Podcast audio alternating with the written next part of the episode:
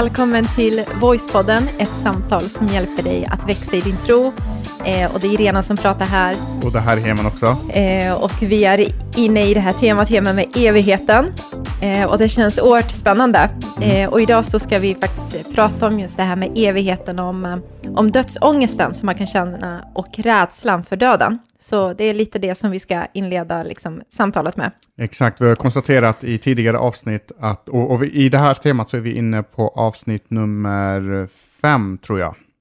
Och det kommer en sjätte och sen så är vi klara med, med det här jättespännande och stora temat. Mm. Eh, Men vi har ju kunnat konstatera att döden är ju någonting som eh, angår oss alla och det är ingen som kommer kunna undvika den. Det har ju gjort försök att eh, göra den så här um, odödlighets, eh, vad heter det, sån här medicin eller vad Jaha. ett, ett serum, ett odödlighetsserum har man försökt liksom så här. Mm. Eh, Och eh, vi vill ju leva i evighet och en del tror att de kan leva i evighet. eh, Eller det kan se så ut liksom utifrån deras sätt att leva. Mm. Men ingen av oss kommer leva i evighet. Nej. Eh, rent fysiskt, utan vi kommer att dö.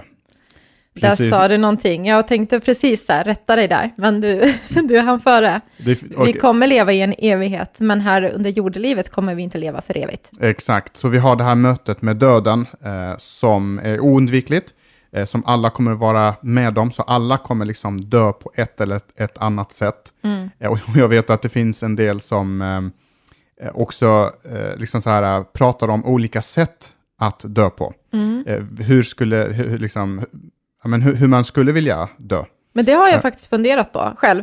Hur man skulle vilja att man, vad gör man med min kropp? Vill man bli kremerad eller vill man bli, Men jag tänker, alltså innan du ens, alltså, jaha, hur, hur ska, vad är det som ska leda till din död? Ska du Ja, du falla menar- från ett stup och dö, eller ska du bli påkörd av en bil, eller ska du bli sjuk och skrupplig?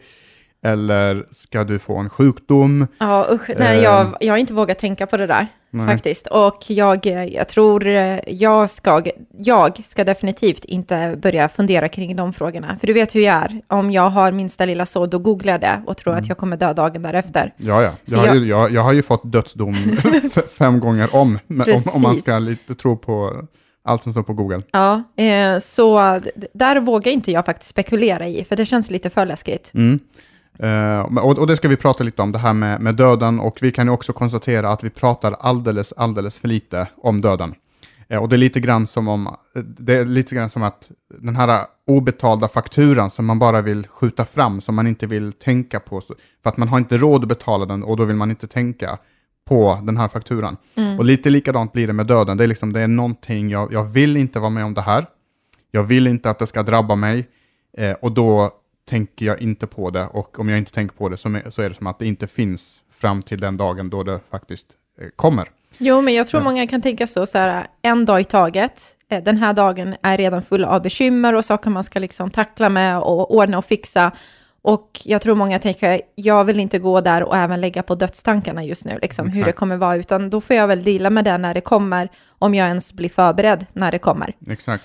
Och det kanske är just därför också en del tänker, men- och det här hör man väldigt ofta när någon råkar illa ut, så tänker man de här två tankarna, ju, varför just jag?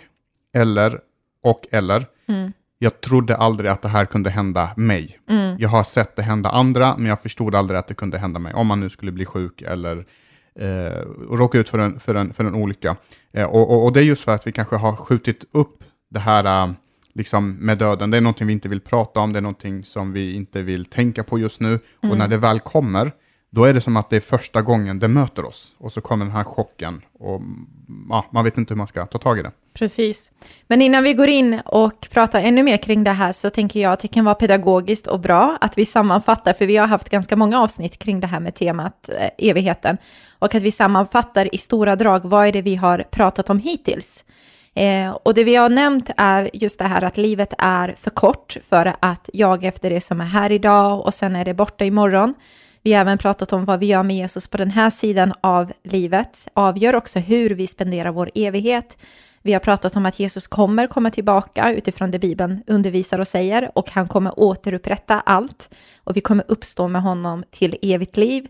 Men ingen vet när tiden är inne, men det vi vet med säkerhet att det är närmare nu än någonsin. Och sen har vi också nämnt och pratat om det här att leva ett liv under den tiden du lever här på jorden och förvalta det livet i ljuset av evigheten, alltså de beslut du tar och hur, eh, hur du lever helt enkelt, hur du använder dina gåvor och eh, kunskap som Gud har gett och så vidare, hur du förvaltar det i ljuset av evigheten. Så det har vi pratat om. Mm. Och då ska man gärna gå in och lyssna på dem, så man kommer rakt in, om man har googlat det här och hittat det här avsnittet på något sätt, eh, för att titeln är ju ganska googlingsbar om man säger så, det här mm. med dödsångest och rädsla för döden. Så om man har hittat hit på det sättet, så lyssna gärna på tidigare avsnitt, för att eh, de kulminerar med det som vi kommer prata om nu och det som vi kommer ta upp i nästa avsnitt, för då får man med sig hela paketet och då blir det lättare att förstå vad vi menar med allt som vi tar upp. Mm, superbra poäng. Eh, men som alltid så ska vi ju läsa våra recensioner och vi gör det för att vi älskar våra lyssnare och vi är så tacksamma för det. Eh, och eh, då är det någon som heter Filip A som har skrivit så här. Eh, otroligt bra. Började lyssna på Bibelpodden i januari 2018, men fastnade inte för den då. Hittade tillbaka i augusti i år och har lyssnat i kapp alla avsnitt från Bibel och Voicepodden. Ni tar upp många intressanta ämnen där, man får kunskap och bredda synen. Heman och Irena är genuina och härliga människor att lyssna och lära av. Nu kommer jag lyssna på gamla teman i väntan på nya avsnitt. Rekommenderar alla att ge podden två chanser. Och sen mm. så här. Mm. Eh, vad roligt. Och Bibelpodden är ju vår första podd eh, som vi startade. Mm. Eh, till och med 2016 startade vi den. Mm, jag minns inte riktigt. Hösten 2016, mm. då flyttade vi. Har det gått så lång tid? Så är det, tiden går alltså. Men eh, i alla fall, så att han refererar till Bibelpodden, han kom in 2018, Eh, och sen så fastnade han inte helt för det och sen så dök vi upp där igen som Voicepodden och mm. nu så känner han att det här är någonting mm. kul. Det finns ett litet problem med den här typen av recensioner och det är just den här uppmaningen att man ska ge det en andra chans, vilket jag tycker är jättebra. Ja. Men för att ge det en andra chans så ska man redan ha gett det en andra chans för att lyssna på den här recensionen och höra det han säger. Ja, du, du menar att man skulle ha gett den en första chans? Nej, först ger man den en chans och så ja. struntar man i den och tycker man, men det här var ingenting. Och ja. sen så eh, tycker han då att man ska ge den en andra chans, men det får man aldrig höra innan man ger den en andra chans. Ah, du tänker så. Det är lite som när man i skolan så frågar, alla som inte är här räcker upp handen. Typ. Ja, just det. men... Eh, du, du brukar inte hänga med på mina nej, logiska kullerbyttor. Men tack så jättemycket för, eh, för, för det du skriver. Alltså, och jättekul ja, att man hittar tillbaka. Ja, det är hur grymt som helst. Så Filip, stort tack och tack för att du tog dig tiden och skrev. Eh, och jag gillar det här att man också säger ärligt, du vet, allt är inte guld och gröna skogar, utan bara, nej men jag jag fastnar inte för det och sen kommer man tillbaka. Så det känns eh, supergrymt. Som jag nämnde tidigare Irena så tror jag att vi pratar alldeles för lite om det här med eh, döden. Vi har många saknar ett språk att prata kring det här med, liksom, med döden och så vidare. Eh, är man eh, med i en kyrka eller man är med i en smågrupp eller vad det nu kallas för någonting så, så finns ju chansen att man pratar om det där. Men utöver det så finns det inte så många platser i vårt samhälle där den här typen av samtal kan, kan, kan ske. Det sker mm. liksom inte på gymmet eller på, eh, på kaféet. Eller så om det inte är någonting som blir aktualiserat, liksom att men någon i familjen gick bort eh, och, eh, eller någonting hände, liksom, och då, då blir ju samtalsämnet aktuellt. Och jag skulle inte säga att det är för sent att prata om det då, för att det är aldrig för sent att prata om döden. Men det hjälper att redan nu förbereda sig liksom, och ha de här orden och prata om det och, och så vidare. För då, jag tror att man, kan, man klarar sig mycket bättre i en sån situation. Mm. Eh, och då kan det finnas någon som lyssnar på det här och kanske har familjemedlemmar som kanske nyligen eller har gått bort eh, för länge sedan som, som man kommer att tänka på. Så en del har ju redan varit med om det. Det är inte liksom mm. helt uh, out of the blue eller, eller att det är inte uh, något, något, som är helt främmande. Uh, men generellt så tror jag att, att det är så. Ja, men precis. Och jag tror eh, mitt i den här pandemin som vi lever i så är det verkligen oundvikligt, vare sig vi vill eller känner oss redo för att processa de här tankarna, så tvingas vi nästan göra det, mer eller mindre för att vi ser dödssiffror, vi ser att människor som vi älskar går bort, vi ser eh, människor som vi känner som har anhöriga som går bort. Så vi tvingas nästan i den här pandemin att inte liksom bara skjuta fram det som vi har kunnat kanske göra på något sätt tidigare, utan nu behöver vi processa eller tänka eller göra någonting med det, den här tanken. Och just döden, när det blir så påtagligt, när det blir så nära, när det blir så konkret, när man ser siffrorna, när man ser att bakom varje siffra är det en person och så vidare, så väcker det så oerhört många känslor inom en. Eh, och jag tror en av de större rädslor som människor har är just den här rädslan över att dö. För det finns ju många fobier, eh, man kan ha allt möjligt och googlar man där så kan man få en enorm lista på alla fobier och, och liksom rädslor som finns idag. Men en av dem som verkligen toppar är ju den här dödsångesten som människor kan uppleva och känna. Mm. Ja, det, det, är verkligen en av, liksom, om inte en av, utan den största mm. fobin överhuvudtaget. För att eh, lever jag inte så spelar det ingen roll vilka andra fobier jag har, utan då, då är det liksom slut. Mm. Eh, och, så, och, och, vi är ju mitt inne i den här coronapandemin eh, och vi ser de här siffrorna. Men någonstans, så, eh, och det här hände mig i alla fall, att någonstans så blev de här siffrorna bara siffror.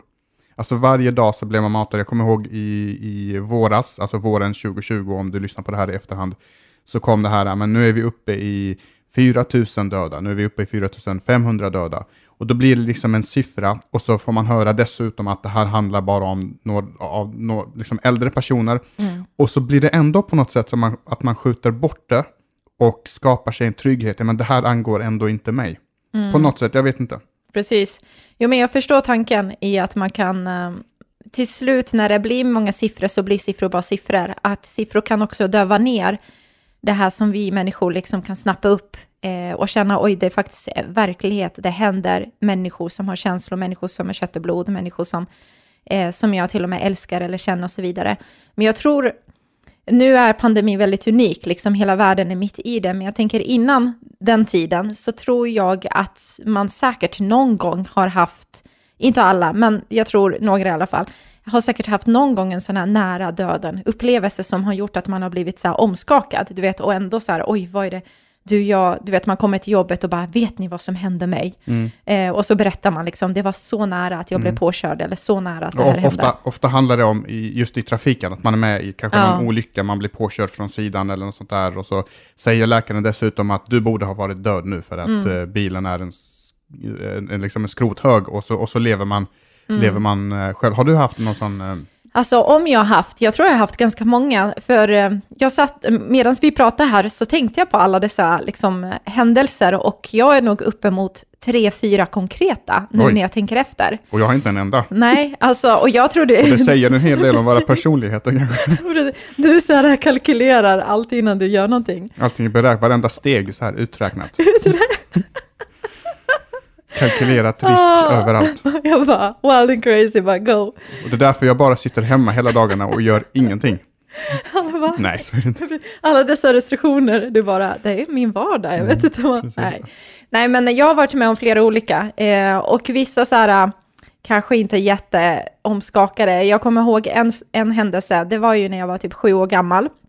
Eh, och det var en av mina första liksom, nära döden upplevelse inom situationstecken. Jag eh, fick aldrig lära mig att simma vid när man är så här 4, 5, 6 år, som det är ganska normalt. Man tar en simskola och sen så lär man sig att simma, utan jag blev ju hit importerad, höll på att säga, från Balkan. Vi flyttade hit när jag var 6-7 år. Både du och jag har, har ju inte haft den, den normala uppväxten, om man, om man, säger så. Precis, så att jag började första klass där och eh, då skulle vi iväg med skolklassen och simma. Och alla mina kompisar hade liksom gått simskolan, de hade alla de här grodmärken och allt vad det är man får. Mm. Eh, och jag kunde inte simma. Eh, så då fick jag ha de här raket, eh, du vet, skydden. Du vet de den här, här gula, gula precis, de är fortfarande gula än idag, mm. efter typ 20 år eller någonting. Men, För att de ska synas bra kanske? Mm, kan vara. Men jag satte på mig den. Men och, de var obekväma?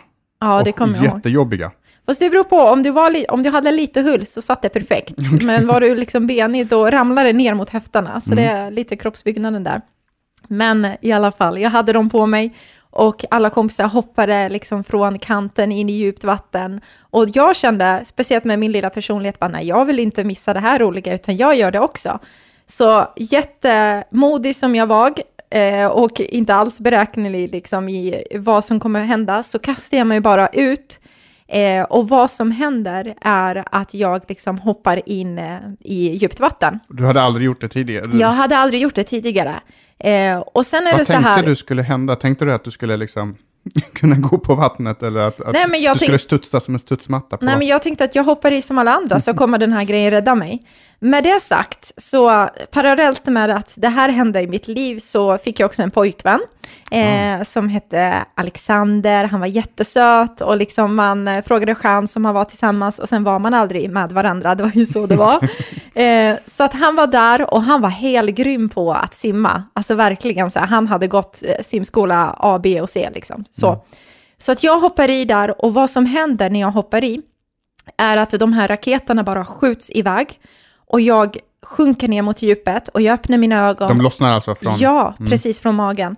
Eh, och jag sjunker ner i djupet och så öppnar mina ögon och så svävar jag runt där och så ser jag alla mina kompisar liksom hoppa i och bada. Eh, och jag bara tänker som barn, jag kommer drunkna, jag kommer dö nu. Men mitt i när jag tänker det här så ser jag där framför mig Alexander ståendes på bassängkanten och så ser han mig, hans lilla tjej, liksom, flickvän, som håller på och drunknar. Så vad han gör är att han, det han gör är att han hoppar Han in. kör en sån här David Hasselhoff. Ja, värsta Baywatch, liksom miniatyr. Ja, ja, ja, han hoppar i, alltså dyker i och simmar, tar med mig in mot kanten och räddar mig på det sättet. Alltså fatta vilket kap. Sju Oj, oj, år oj. gammal, ja. Nu så blev det inget efteråt, Men- för men- nu är jag med dig. Men, men ändå, det var, vilken story. Mm. Och, och, och, ha- hade, och och jag vet inte om jag hade gjort... Jo, det hade jag. Nej, men, och, och, Du hade drunknat själv på vägen. Nej, jag skojar, Ja, förlåt. Nej men det är faktiskt sant. Det var, det var typ kanske fem, sex år sedan jag lärde mig att flyta och bara ligga på vattnet Mm. och bara flyta. Men, men det där när vi pratar om så här olika sätt att dö, det är ett sånt sätt som jag inte skulle vilja dö Nej, på. det känns Eh, fruktansvärt. och liksom kvävas i och, an, och eh, andas in det här vattnet in i lungorna Mm. och kvävas på det här sättet. Det, måste vara, det måste vara fruktansvärt. En annan grej som är fruktansvärd det är typ att ramla från ett höghus Mm. och under flera sekunders tid veta att jag kommer dö, men Mm. jag, kan inte, jag är helt maktlös, jag kan inte göra någonting åt saken, utan det är bara ett faktum att nu är det, nu är det slut. Det måste vara fasansfullt alltså. Ja, ja, verkligen. Alltså, som sagt, jag har ju varit med om flera olika sådana händelser. En annan som jag, om jag bara kan dra den lite kort, eh, var ju när jag åkte upp till, eller jag var i Stockholm och efter en gudstjänst så skulle man eh, iväg och käka någonting. Eh, och det var mitt i smeten där vid NK så hade vi hyrt in oss någonstans. Och då skulle jag gå över eh, övergångsstället och det var ju typ, alla går över fast det är rött. Eller så var det i alla fall då. Eh, och eh, jag eh, tänker inte på det, utan jag följer ju strömmen. Alla andra, det kanske är 20-30 pers och då går man bara med, liksom, så här, för det känns tryggt på något sätt. Eh, och eh, jag går över och med det sagt så bara råkar jag titta åt vänsterhåll och så ser jag den här cykeln komma i jättehög fart. Du vet de här som har liksom leveranspaketet, de ska leverera och så. Så jag ser cykeln komma i världens Sådana här hastighet. tunga cyklar liksom. Så Ja, men de här snabba, tunna. Okej, alltså, du vet den här äh, som bara är smal och så har den så här tajta cykelbyxor. Ja, en sån person. Sen kommer det i jättehög fart och jag har världens sämsta reaktionsförmåga. Alltså jag står där och konstaterar den här cykeln kommer köra på mig och jag gör ingenting. Alltså jag, liksom, jag förmår inte att bara vara så här snabb, du vet, och kvick och bara flytta på mig. Så jag står där och konstaterar i några sekunder att jag kommer bli överkörd och med helt, helt rätt, det händer bara boom. Så landar jag ner mot eh, marken och eh, han kör rakt över min rygg. Oj. Eh, och jag kommer ihåg, då var jag liksom runt 16 år, jag kommer ihåg att jag, eller 17 och något, jag ligger där med ansiktet mot marken och så bara, Jesus, jag kan inte dö nu, för jag har så mycket kvar jag vill uträtta för dig. Alltså jag har så mycket kvar att leva för eller liksom vara alltså, vad med var det som om. hände? Han kör, du råk, raklång på marken i princip med magen mot asfalten Mm. Ja. och han kör över, alltså typ midjan eller? Nej, eller men han kör över snett över hela min rygg. Oj. Och det är det här som är helt galet, för jag kände Det ingenting. där, kan, det där är ju typ som en, ta en kniv och bara Ja. liksom hugga. Jag kände ingenting, det är det som är jättekonstigt. För jag reste mig upp eh, och började fråga så här, oj, hur gick det med dig? Hur gick det med dig? För han ramlade ju av också. Eh, Ja, du frågar honom hur det Ja, honom. precis. Och så var det en man där borta och så sa han, ja lilla flicka, sluta fråga hur det går med honom, det var ju du som blev påkörd typ. Jag bara, vadå påkörd? Han bara, ja men han körde över din rygg. Jag bara, va? Jag kände ingenting. Oj. Och då var det en annan man där också eh, som jobbade typ inom sjukvården, så sa han det att alltså, du måste ha haft någon änglavakt eller någonting för att nu skulle du ha haft enorma skador eh, med tanke på hur han körde över dig. Ja, det, där, Eh. det där måste ha varit ett Guds beskydd. Alltså det var något jätte, jag kan inte förklara det mer än det måste vara något sånt där. Det var så häftigt alltså. Men och tanken du tänkte då, det var just att jag vill inte dö nu, för jag är för ung och jag har för mycket att... Jag vill att, inte gå miste om det jag skulle kunna uppleva här under jordelivet liksom. Och det är lite intressant att prata om de här, varför har man dödsångest? Alltså vad är det som bygger upp den här känslan av dödsångest? Vad är det man är rädd att förlora eller vad är det man är rädd att man inte har uträttat?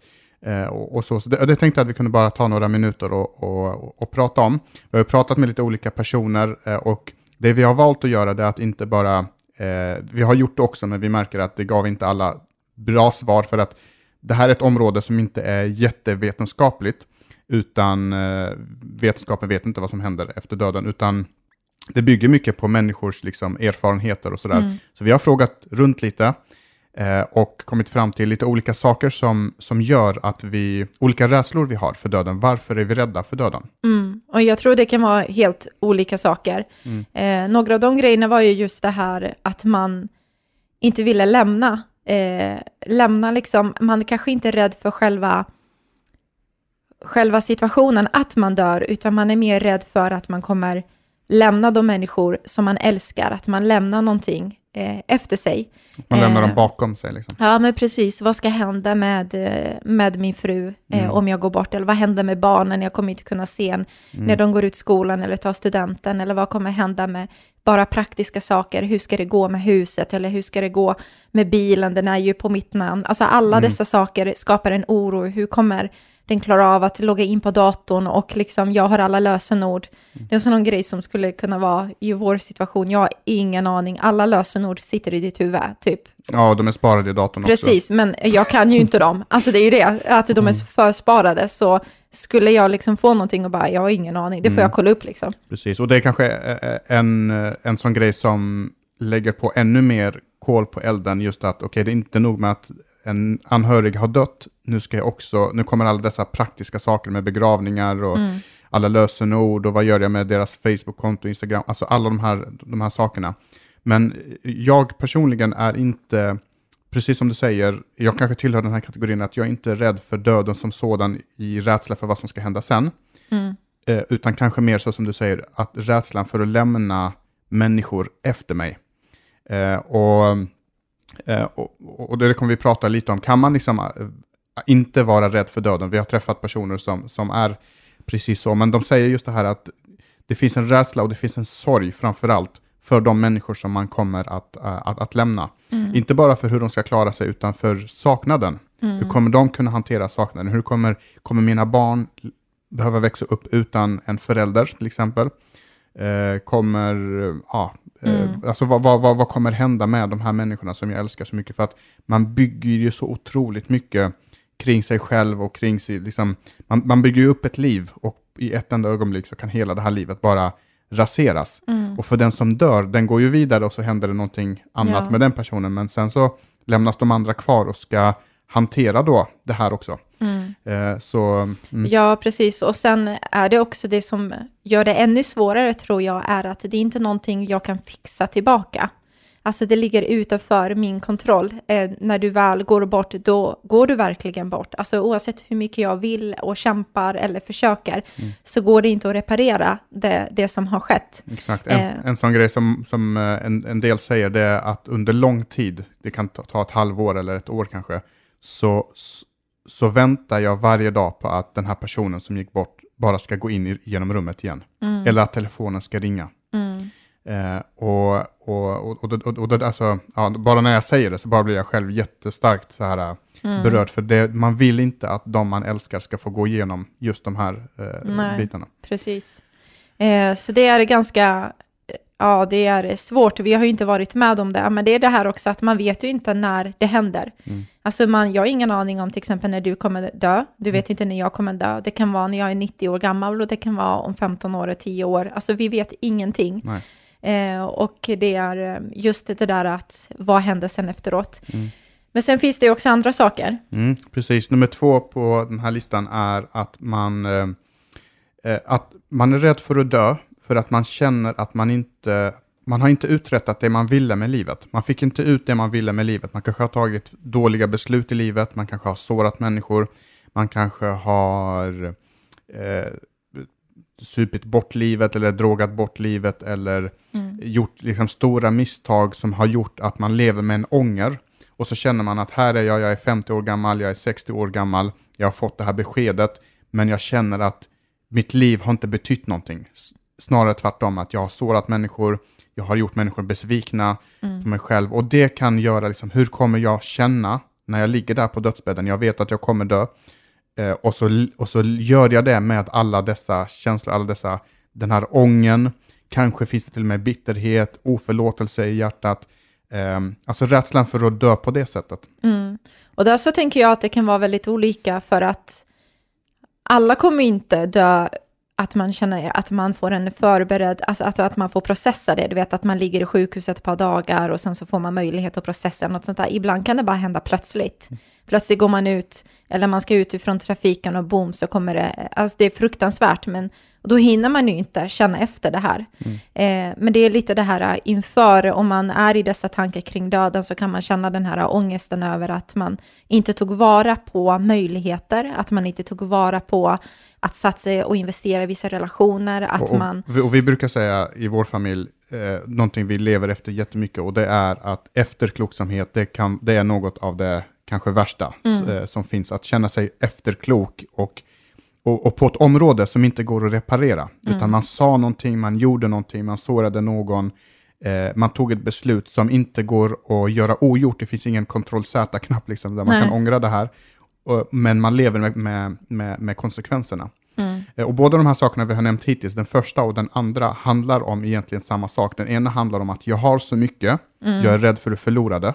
Och det andra är, jag har ingenting, jag är rädd för känslan av att lämna det här jordelivet utan eh, någonting. Och båda har egentligen med eh, görande och ägande av eh, olika saker. Sen har vi två andra, de två sista, trean och fyran, som är lite annorlunda där. Exakt. Eh, och det ena, eller det tredje är just det här att man tycker att det känns obehagligt, man tycker att det är läskigt för man vet inte vad som väntar en. Alltså det man känner sig rädd för, det okända, vad kommer faktiskt hända? Man är kanske inte klar med frågan att jag kommer leva i en evighet och möta Gud, utan man vet inte vad är det som kommer hända, kommer jag bara puff så försvinner jag, eller vad, vad händer med mig? Eh, man vet inte riktigt hur det kommer vara sen efteråt. Eh, kommer jag känna smärtan och all, alla dessa grejer eller kommer jag bara sluta existera? Hur är det att ge upp andan till mm. exempel? Är det bara som att somna eller hur, hur är det? Och, det, och det, vi har ingen som kan berätta för oss exakt eh, hur det är. Mm. Eh, och, och det här kommer vi prata lite om i nästa avsnitt eh, som handlar just om det här, eh, liksom rädslan för döden på grund av att jag vet inte var jag kommer hamna någonstans. Kan man, kan man vara säker på sin frälsning? Mm. Kan man vara säker på att hamna, på att komma till himlen? Så det kommer vi prata lite om. Och det där kommer bli väldigt intressant eh, och väldigt viktigt faktiskt att man eh, svarar på de där frågorna. Vi har fått in en fråga mm. eh, ett par gånger under tiden vi har haft podden kring just det här. Hur kan jag vara säker på den dagen jag dör att allt ändå är grönt? Jag tror på Jesus, jag älskar honom, men jag tvivlar ändå på min frälsning på något sätt. Just det. Så det ska vi svara på. Och den sista eh, anledningen eller orsaken att man, man är rädd av de här fyra, och det finns säkert många fler, men vi nämner de här som vi har snappat upp. Det är det här med, och, och den, där kan jag känna igen mig, den här rädslan för att bli sjuk eh, och gammal. Mm. Eh, och hamna liksom någonstans där man inte blir omhändertagen och mm. liksom de här sakerna. Precis. Jag tittade på en jätteintressant dokumentär om Bill Gates och då frågar man honom lite kring vad är du mest rädd för? Eh, och han börjar ju bli eh, äldre. Eh, och då kanske man skulle tänka på, om jag förlorar alla mina pengar som jag har tjänat, eller att dö, eller du vet så. Men hans grej, han var väldigt rädd för att hans hjärna ska sluta fungera. Det var det som var en av hans liksom, största rädslor, för han vet att när den saken slutar fungera, när jag blir sjuk på det sättet, då kommer jag inte kunna leva livet fullt ut. Liksom. Eh, och jag tror just sjukdomar kan vara en sån sak som man är väldigt rädd för att, speciellt sjukdomar som är obotliga, sjukdomar som man bara måste acceptera sjukdomar som man inte kan göra någonting åt. tror jag som begränsar ens liv Ja. och som kanske också sjukdomar som, där man får en, en bestämd tid att du, Mm. så här länge kan du förväntas eh, leva. Mm. Eh, också en, en grej som, som Mm. kan För föda... det kommer jag ihåg, jag tror att jag nämnde det förut i avsnitten med eh, just när jag fick hudcancern. Eh, och nu var den inte elakartad, utan det var en sån som var en, en snäll variant, så man kunde bara skära bort den. Men jag kommer ihåg den här ången, på tal om det, hur jag kände det att, åh vad dum jag var, att bara på grund av att jag skulle ha den här brännan och för att andra människor ska tycka att jag ser sommarfräsch och sommarkysst ut, eller vad man nu säger, så, eh, eller solkysst, inte sommarkysst. det också. Nej, men bara för att andra skulle tycka att man ser liksom fräsch ut en sommar så pressar jag kroppen och nu så får jag leva med det här. Vad dum man kände sig.